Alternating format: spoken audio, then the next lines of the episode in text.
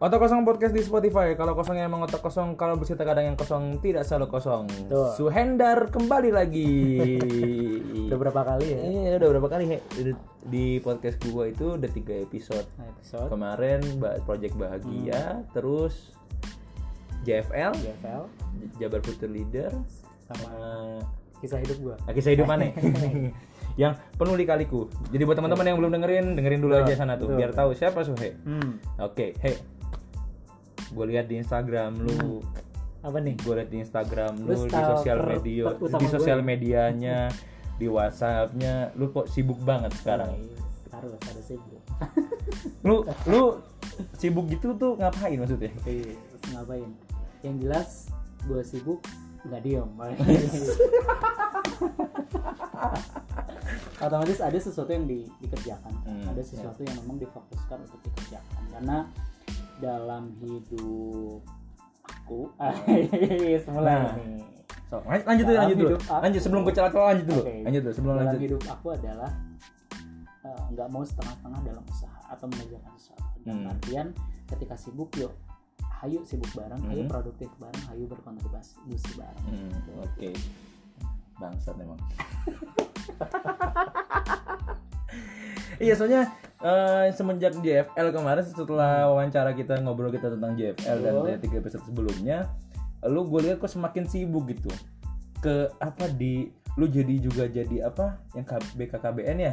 Duta genre. Dota genre juga gitu. Ini kalau komen paling kesel gue adalah ketika si Suhe eh, ngupload tentang generasi berencana gue bilang eh tentang keluarga berencana gue bilang orang yang ngepost keluarga keluarga berencana tapi belum berkeluarga dia. Kok berani beraninya lu? Tapi btw he, sebelumnya gue terima kasih kepada lu sebelumnya karena sudah ngisi materi di tempat gua. Kebetulan eh, sudah ngisi materi di tempat gua sama sama teman-teman eh, rumah asuh Aska itu kan rumah asuh Aska kan adalah suatu tempat di mana itu kerja bro, apa ya bentuk sosial Betul. dari podcast otak kosong untuk ngedidik mereka menjadi seorang yang kreatif sih lebih tepatnya di sana. Terima kasih khususnya untuk datang, sudah datang di sana. Semoga ya lu bisa kapan-kapan baik lagi lah. Betul, betul. Baik lagi. Gimana anak-anak? anak-anaknya seru Hmm. seneng dan eh, anak-anaknya benar-benar eh, haus akan ilmu ya Hmm. dalam artian di sana juga saya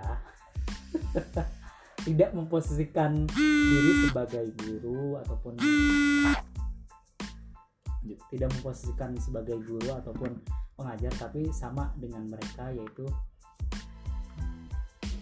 Oke, jadi ada, teman kita ngeganggu.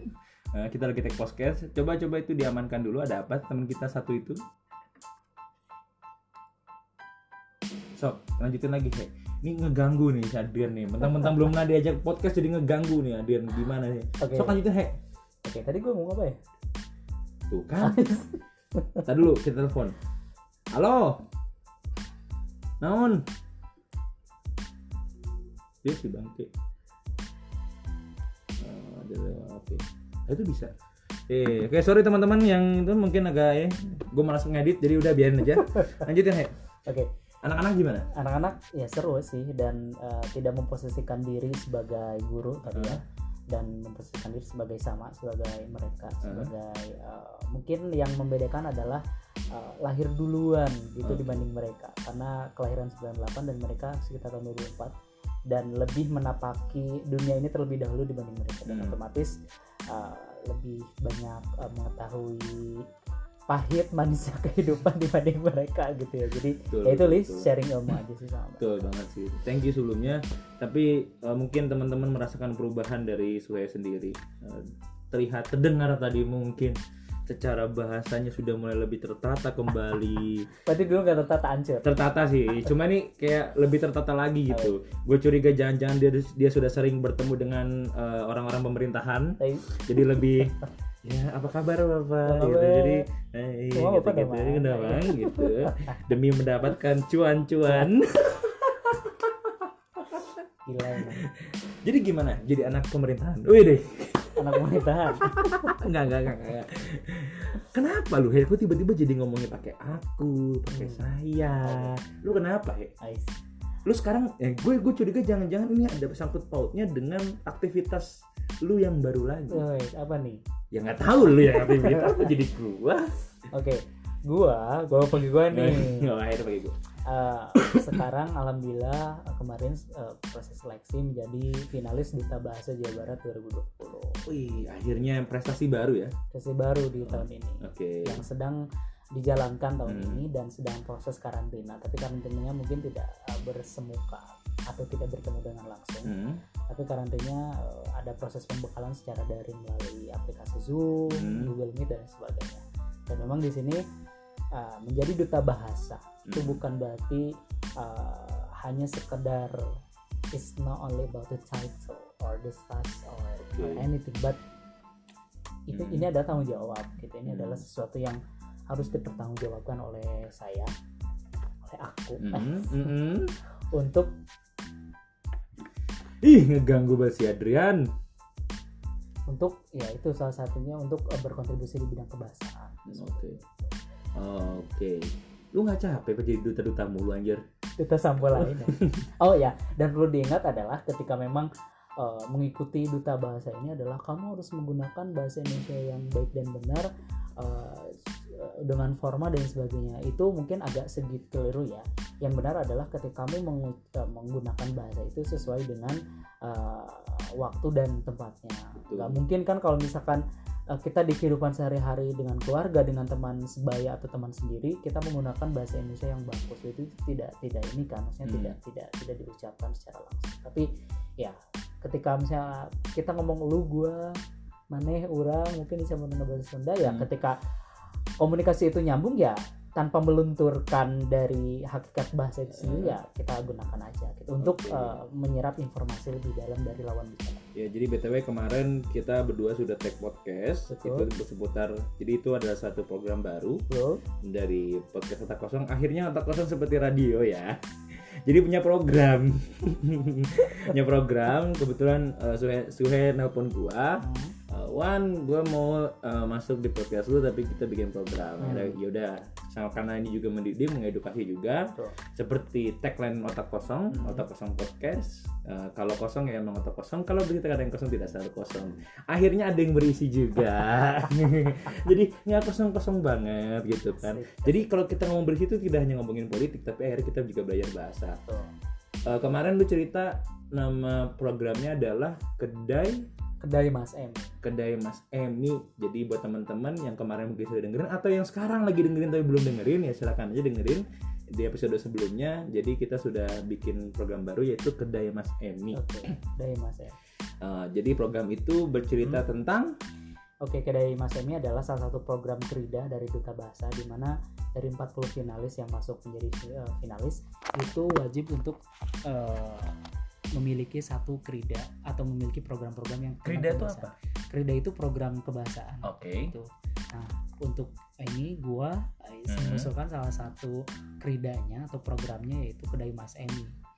Eh, yang artinya adalah kegiatan daring seputar sastra Hmm. uh, di masa pandemi karena sekarang tahu kan sekarang kita dibatasi oleh uh, aktivitas kita dibatasi oleh pandemi ini dengan tidak bersemuka banyak orang dan lain sebagainya dan memang uh, di ini dibuat uh, sebagai media atau platform untuk mereka uh, untuk mereka bisa digunakan sebagai uh, bahan untuk pengetahuan dan lain sebagainya. Jadi memang ini adalah media mereka untuk uh, belajar sastra atau diskusi uh, menarik uh, yang bisa didengarkan melalui podcast dan Instagram. Oke, jadi program barunya bicara tentang itu. Jadi buat teman-teman yang tertarik atau juga tidak tertarik, nggak masalah, dengerin aja.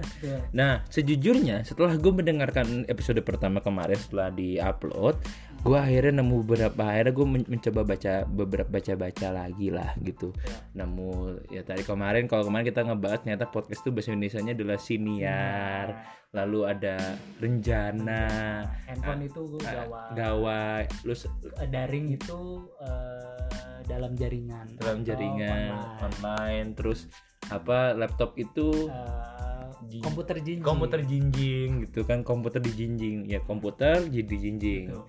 Nah kalau nggak tahu dijinjing jinjing itu nama hewan. Eh. Tapi gini ya gue tuh bingung lu kok kok produktif banget ya? Sebelum lu sebelum lu jadi duta bahasa lu sempet juga jadi duta genre. Ya. nah Iya tadi gue bilang pertanyaan di awal tadi itu gue bilang. Tadi kan kita dijelasin program pertanyaan gue awal tadi. Lu banyak banget jadi duta gitu lu lu tuh ngoleksi atau gimana sih kalau disebut koleksi juga enggak sih ya. Hmm. maksudnya eh, ini salah satu eh, pencapaian atau impian yang yang memang sedari dulu pengen untuk menjadi duta atau perwakilan dari ajang-ajang yang memang positif. Oh jadi pas lu jadi masuk HI ya? Baik mungkin ada sangkut pautnya eh jadi duta besar. Ada tulisan oh mungkin gitu he. Perjalanan. Perjalanannya gitu. duta jadi duta-duta yang kecil-kecil dulu duta-duta bahasa Jawa Bersama. Barat terus duta kota duta wisata kota Cianjur. Akhirnya jadi duta besar untuk mewakili negara. Ah, oh tahu tahu berarti emang urutan ya kayaknya sudah dari, dari duta kota yang hanya sifatnya kota lalu sekarang sudah mulai menanjaki duta provinsi. Lu? sekarang sudah nanti ketika sudah lulus jadi duta besar. Enak. memang. Ingat gua aja pokoknya. Lu siapa?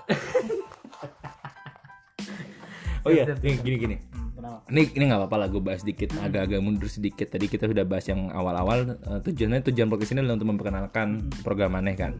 Cuma gue pengen kembali sedikit bahwa lu sempat jadi duta genre. Generasi? Berencana. Generasi generasi berencana. Ngapain generasi berencana itu? Oke, generasi berencana atau duta genre adalah salah satu eh, duta atau perwakilan dari setiap remaja yang ada di Jawa Barat Hmm. karena saya mewakili dari Kabupaten Cianjur untuk mengkampanyekan tiga hal yang tidak boleh dilakukan oleh remaja atau misalnya eh, mereka lulus remaja di Indonesia. Yang pertama adalah mereka menghindari pernikahan usia dini.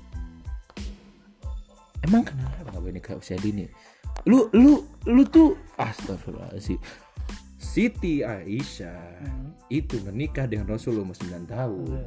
Kenapa tiba-tiba Anda datang lalu bilang tidak boleh nikah usia dini? Anda itu melanggar. Karena setelah setelah em, menilik beberapa faktor atau beberapa akibat-akibat yang terjadi akibat dari pernikahan dini itu sangat banyak Kang Fatin Alwan. Jadi, Hmm. Ya dari dari segi kesiapan mental, reproduksi betul, betul. dan kesiapan mereka berumah tangga ketika ketika tidak mencukupi umur yang ditentukan itu banyak banget. Nah, jadi gitu buat teman-teman. Saya mau kasih ada rumusnya nih. Lo nggak ngerti lo, saya mau kasih tahu dulu yang tadi Kenapa? Kalimat yang tadi saya sampaikan Jadi buat teman-teman yang mau nikah usia dini Bapak kalian bukan Abu Bakar Suami kalian atau pasangan kalian bukan Nabi Muhammad jadi Abu Bakar tuh sudah melatih mental anak-anaknya itu dari kecil. Nah kalian di ujuk-ujuk nikah, apalagi nikahnya gara-gara kecelakaan, Betul. minta usia dini, gimana sih? Betul. mentalnya udah terbentuk apa belum Nah, itu dia. gitu. karena memang eh, dulu itu anak-anak nabi adalah mentalnya mental sudah terbentuk Betul. dan memang sudah dewasa sebelum waktu usia yang memang sudah disebut dewasa jadi eh, yang di sini ada yang ditekankan adalah bagaimana banyak faktor-faktor atau akibat-akibat yang terjadi dari pernikahan dini itu tersebut gitu ya. Apa aja, apa aja sih? nah rumusnya adalah Ah, ada rumusnya. nah, rumusnya ada Lalu nikah dini aja ada rumusnya. Apa ini? dua satu dua lima 2125. Oh, temenan sama yang itu bukan di Jakarta. apa nih 212. Iya. dua satu dua lima adalah 2125. Nah, 2125 adalah 21 untuk perempuan. 25 untuk laki-laki usia ideal ketika menikah. Ketika ngomong menikah nadanya sudah seperti ini teman-teman. Jadi ketika teman-teman menikah di umur untuk yang perempuan 21, yang laki-laki 25, itu adalah usia yang pas, Pas, untuk ideal. meni- ideal, ideal untuk menikah. Jadi buat mantan saya yang dengerin ini, kamu udah sih. Parah ya mantan yang dengar podcast Anda. udah sih ya, udah sih. Jadi itu sih Kang Alvan. Iya, Kenapa kita dianjurkan untuk menunda pernikahan uh, secara dini karena itu faktor-faktor yang terjadi gitu ya. Apa apakah hanya hanya karena mental?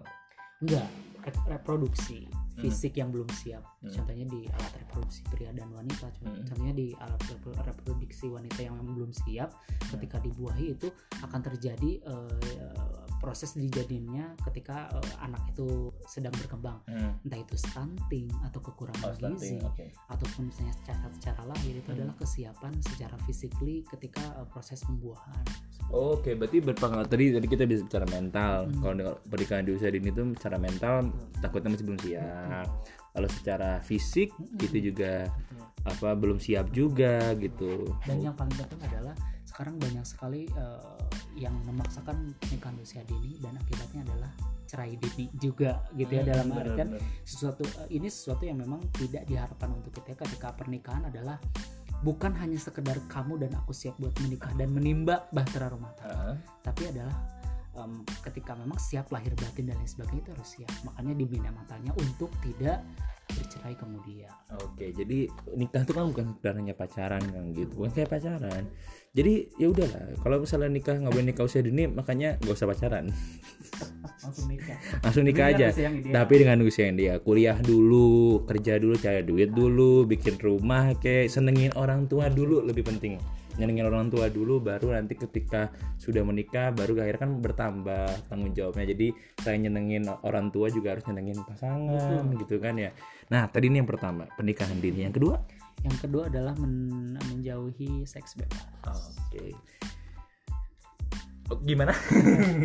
menjauhi seks bebas karena memang sekarang uh, efek dari media sosial dan sebagainya itu akses maaf ya akses pornografi itu sangat bisa diakses oleh siapa pun kapan pun dan Ya kebetulan kita tag podcast di tempat orang yang sering gitu ya. Ngomong orang yang gak ada kita gibahin. gibahin dan gibat udah termasuk di uh, kamus besar bahasa Indonesia Iya, dia tiba-tiba berubah menjadi duta bahasa dong. jadi gitu kang Awan jadi memang kita tidaklah menghindari sebelum sebelum ada waktunya sebelum waktunya mungkin berhubungan suami istri yang telah ditentukan Betul. ditentukan adalah ya hubungan suami istri yang memang sudah sah secara agama dan sah secara yang Negara ya? hukum Oh, oleh oke. negara gitu. Oke, emang emang nggak boleh sebenarnya seks bebas itu bayar. udah kita Free sex tuh nggak bayar. Eh, Free sex, free sex tuh nggak boleh, bayar makanya gitu. Yang ketiga apa ya? kita menjauhi atau menghindari nafsa Wih, nafsa. Nafsa itu nafsu ya, nafsu. Terus nafsa itu eh, kayak macam eh, makanan dari Italia, nafsa itu. kalau sotoy nafsa itu setahu gue narkotika, Hmm.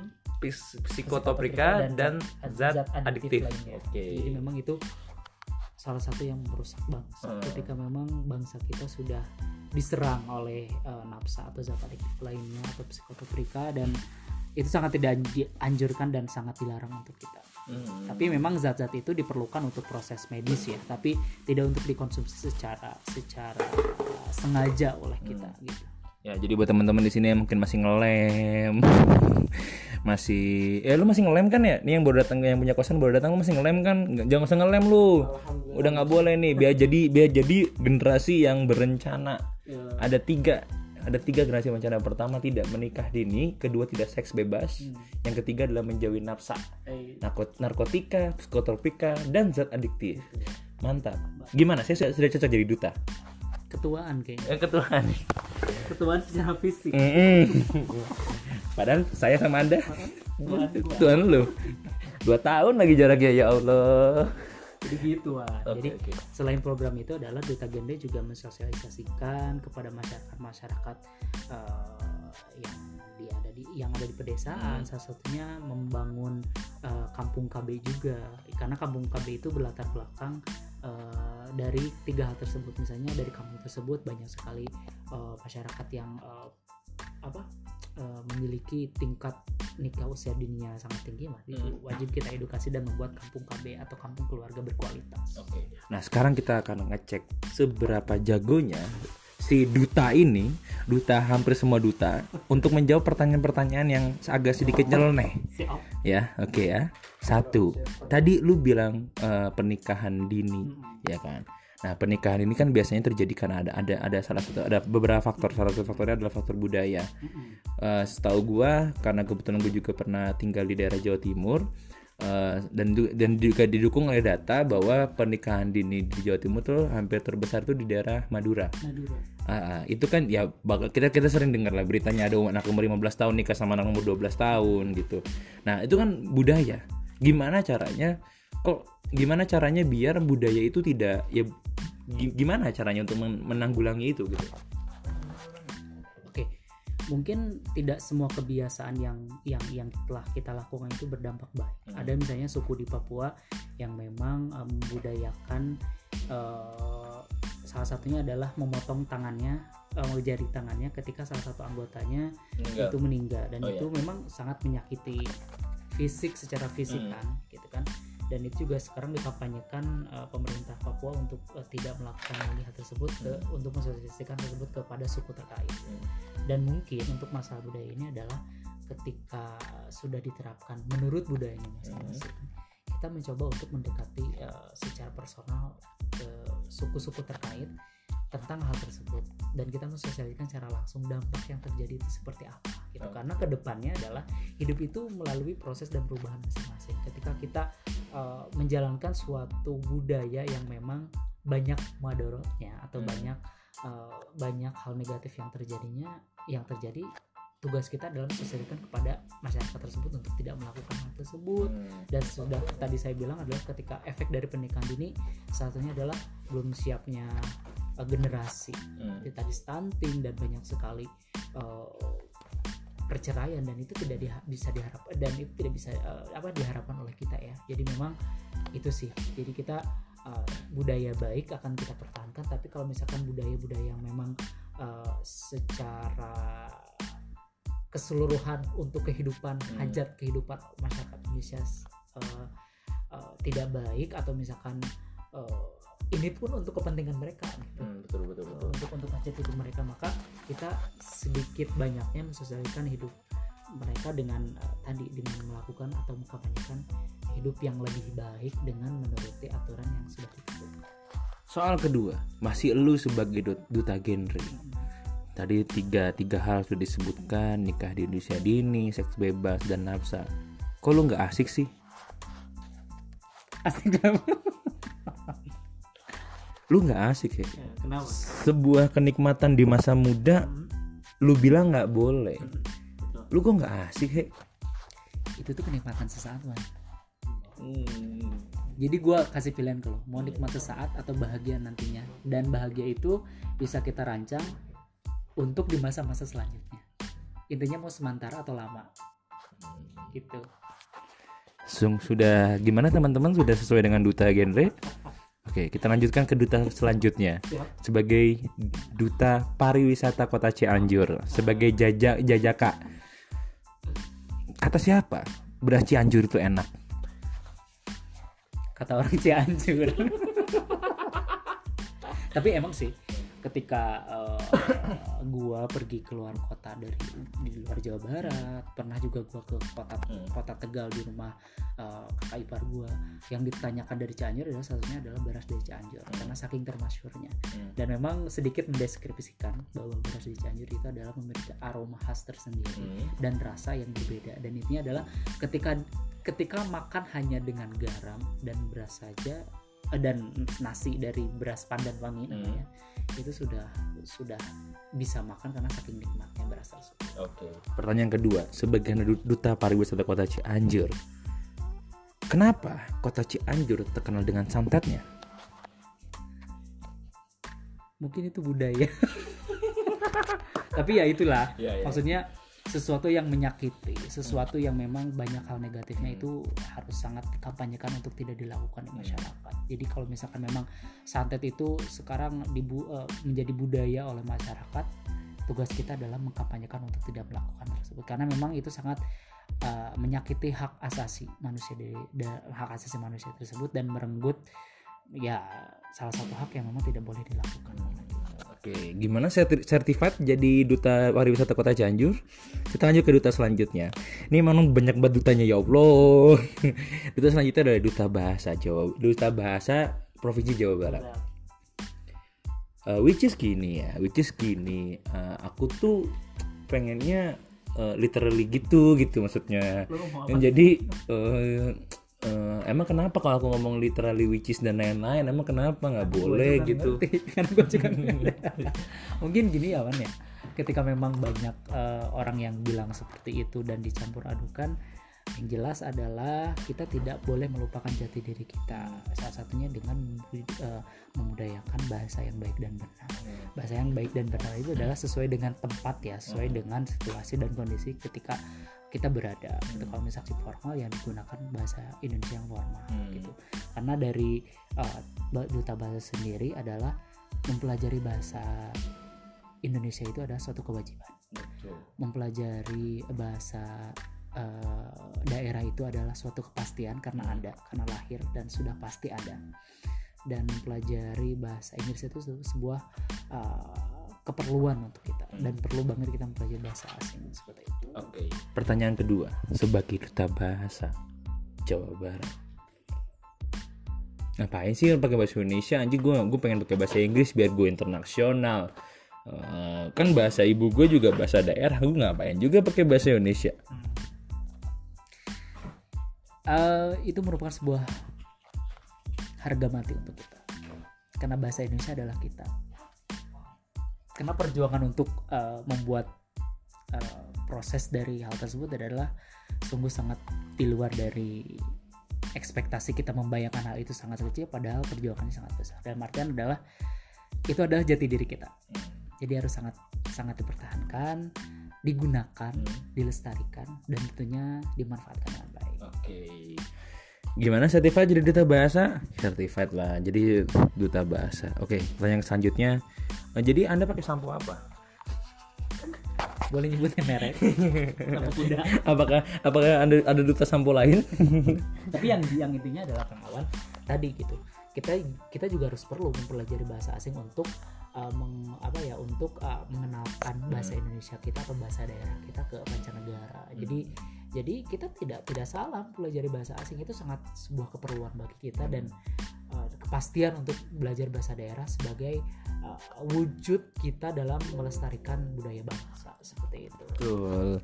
Ya, terima kasih. Itu adalah dari tadi mungkin teman-teman agak membosankan ya karena memang yang ngomong ada seorang duta yang biasa ngomongnya tertata, rapi, halus, tidak membentak, tidak juga eh, menyakiti hati orang gitu kan. Ya agak sedikit membosankan. Saya juga bingung kenapa du- du- kenapa orang-orang yang jadi duta itu seperti itu ngomongnya gitu ya. Seperti orang jadi protokoler gitu loh. Ada ya karena memang belajar protokoler sih kayaknya ya. Ya Eh, gitu. Emang iya iya sih benar kan gitu ya. Semoga eh, semoga lo akan menjadi duta-duta yang lain ya duta sampo lain. Knows? Ya Eh, Duta besar. duta besar duta besar Indonesia untuk Timor Leste untuk Kongo untuk gua nggak mau jauh-jauh dulu. eh, minimal Cianjur lah ya. Minimal Asia Tenggara lah ya. Malaysia Thailand atau atau mungkin lo jadi jadi presiden Cianjur? Kita tidak. Ah, siapa tahu kan, siapa tahu presiden tiba-tiba Cianjur. Ah, aku capek dengan aku capek dengan Bogor. Aku pengen bikin negara sendiri bersama Sukabumi. it's not capacity buat membuat sebuah negara karena perjuangan untuk menyatukan bangsa Indonesia itu sangat sangat harus kita hargai dengan menjaga persatuan dan kesatuan negara kita. Ya, saya sudah mulai mengantuk dengan bahasa duta. Terima kasih untuk semua yang telah hadir di Oke, podcast ini. gue mau eh, nerangin dulu nih Kenapa? kerida kerida atau program yang yang dijelaskan. Oke. Bentar dulu sebentar, sebentar Kang Swe. Eh, teman-teman kita mari kita sampaikan mari kita sambut peny- penyampaian materi atau sambutan dari duta eh, pariwisata Jawa duta eh, generasi berencana dan duta bahasa Jawa Barat 2020 ini adalah dia Kang Suhendar dipersilahkan Oke. Berisik. Jadi eh, di Duta Bahasa ini Kang Awan, saya memiliki sebuah program atau pengabdian yang harus saya lakukan untuk mel- eh, ya salah satunya melestarikan bahasa ya. Mau itu bahasa Inggris, bahasa Indonesia atau bahasa daerah. Hmm. Dan salah satu program yang dinamakan Krida itu program saya itu namanya Kedai Mas Emi. Nah, namanya eh, nama panjangnya adalah kegiatan daring seputar sastra di masa pandemi. Karena memang kita harus produktif di masa pandemi dengan melaksanakan kegiatan-kegiatan kesastraan dan kegiatan sastra tersebut tiba dituangkan ke dalam dua menu dari kedai tersebut. Jadi saya izin jualan ya di podcast yang ada iya di kedai Mas Emi. Yang pertama ada dimsum. Nah, dimsum ini adalah diskusi menarik seputar sastra uh, melalui podcast dan Instagram karena sudah ri- rilis kemarin jadi itu adalah salah satu bentuk uh, perwujudan dari dimsum atau diskusi menarik yang mengundang beberapa narasumber-narasumber berkompeten dalam bidangnya satunya di bidang kebahasaan dan kesastraan mengulik tentang isu-isu kebahasaan untuk menjadi uh, ilmu pengetahuan untuk masyarakat. Seperti itu. Yang kedua adalah kismis. Kuis inspiratif seputar diskusi menarik. Oh tunggu kis itu cium mis itu rindu. Ciuman rindu. Itu adalah sebuah kuis yang bisa kita uh, ikuti di Instagram atau di filter Instagram atau di menu icon Instagram nanti kita bisa ikutin. Nah nanti ketika ada banyak yang menjawab itu akan ada reward. Salah satunya adalah pulsa. Nah, jadi buat teman-teman yang ikut, yang mau ikut silakan. Dapat pulsa lumayan loh, dapat pulsa. Jadi nanti makanya dengerin podcast uh, otak kosong uh, spesial bersama teman-teman dari Duta Bahasa. Silakan dengerin supaya nanti teman-teman siapa tahu bisa ikut kismis. Kalau udah ikut kismis nanti dapat pulsa. Lumayan kan. Di tengah pandemi ini emang kita butuh pulsa, Bro. Oke. Memang perjalanan untuk membuat filter Instagram tersebut harus harus di ACC ya atau harus mendapatkan persetujuan langsung Instagram karena prosesnya juga cukup lama nggak nggak sehari dua hari sih jadi ditunggu aja Oke, jadi teman-teman nanti yang mungkin di sini suka sastra, suka dengan kebahasaan atau hanya ingin sekedar tahu atau mungkin Anda nggak mau tahu apa-apa tapi lagi gabut ya udah dengerin aja nanti. Kita akan membahas tentang seputar sastra di podcast di podcast atau kosong. Eh, rencananya sih saya pengen terus ya supaya nanti teman-teman di sini jadi kita kerjasamanya jadi biar eh, pertama satu eh, Kang Suendar punya platform juga kedua eh, podcast saya semakin gede amin dong itu tidak pernah tahu Bet- Tuhan Betul banget gitu.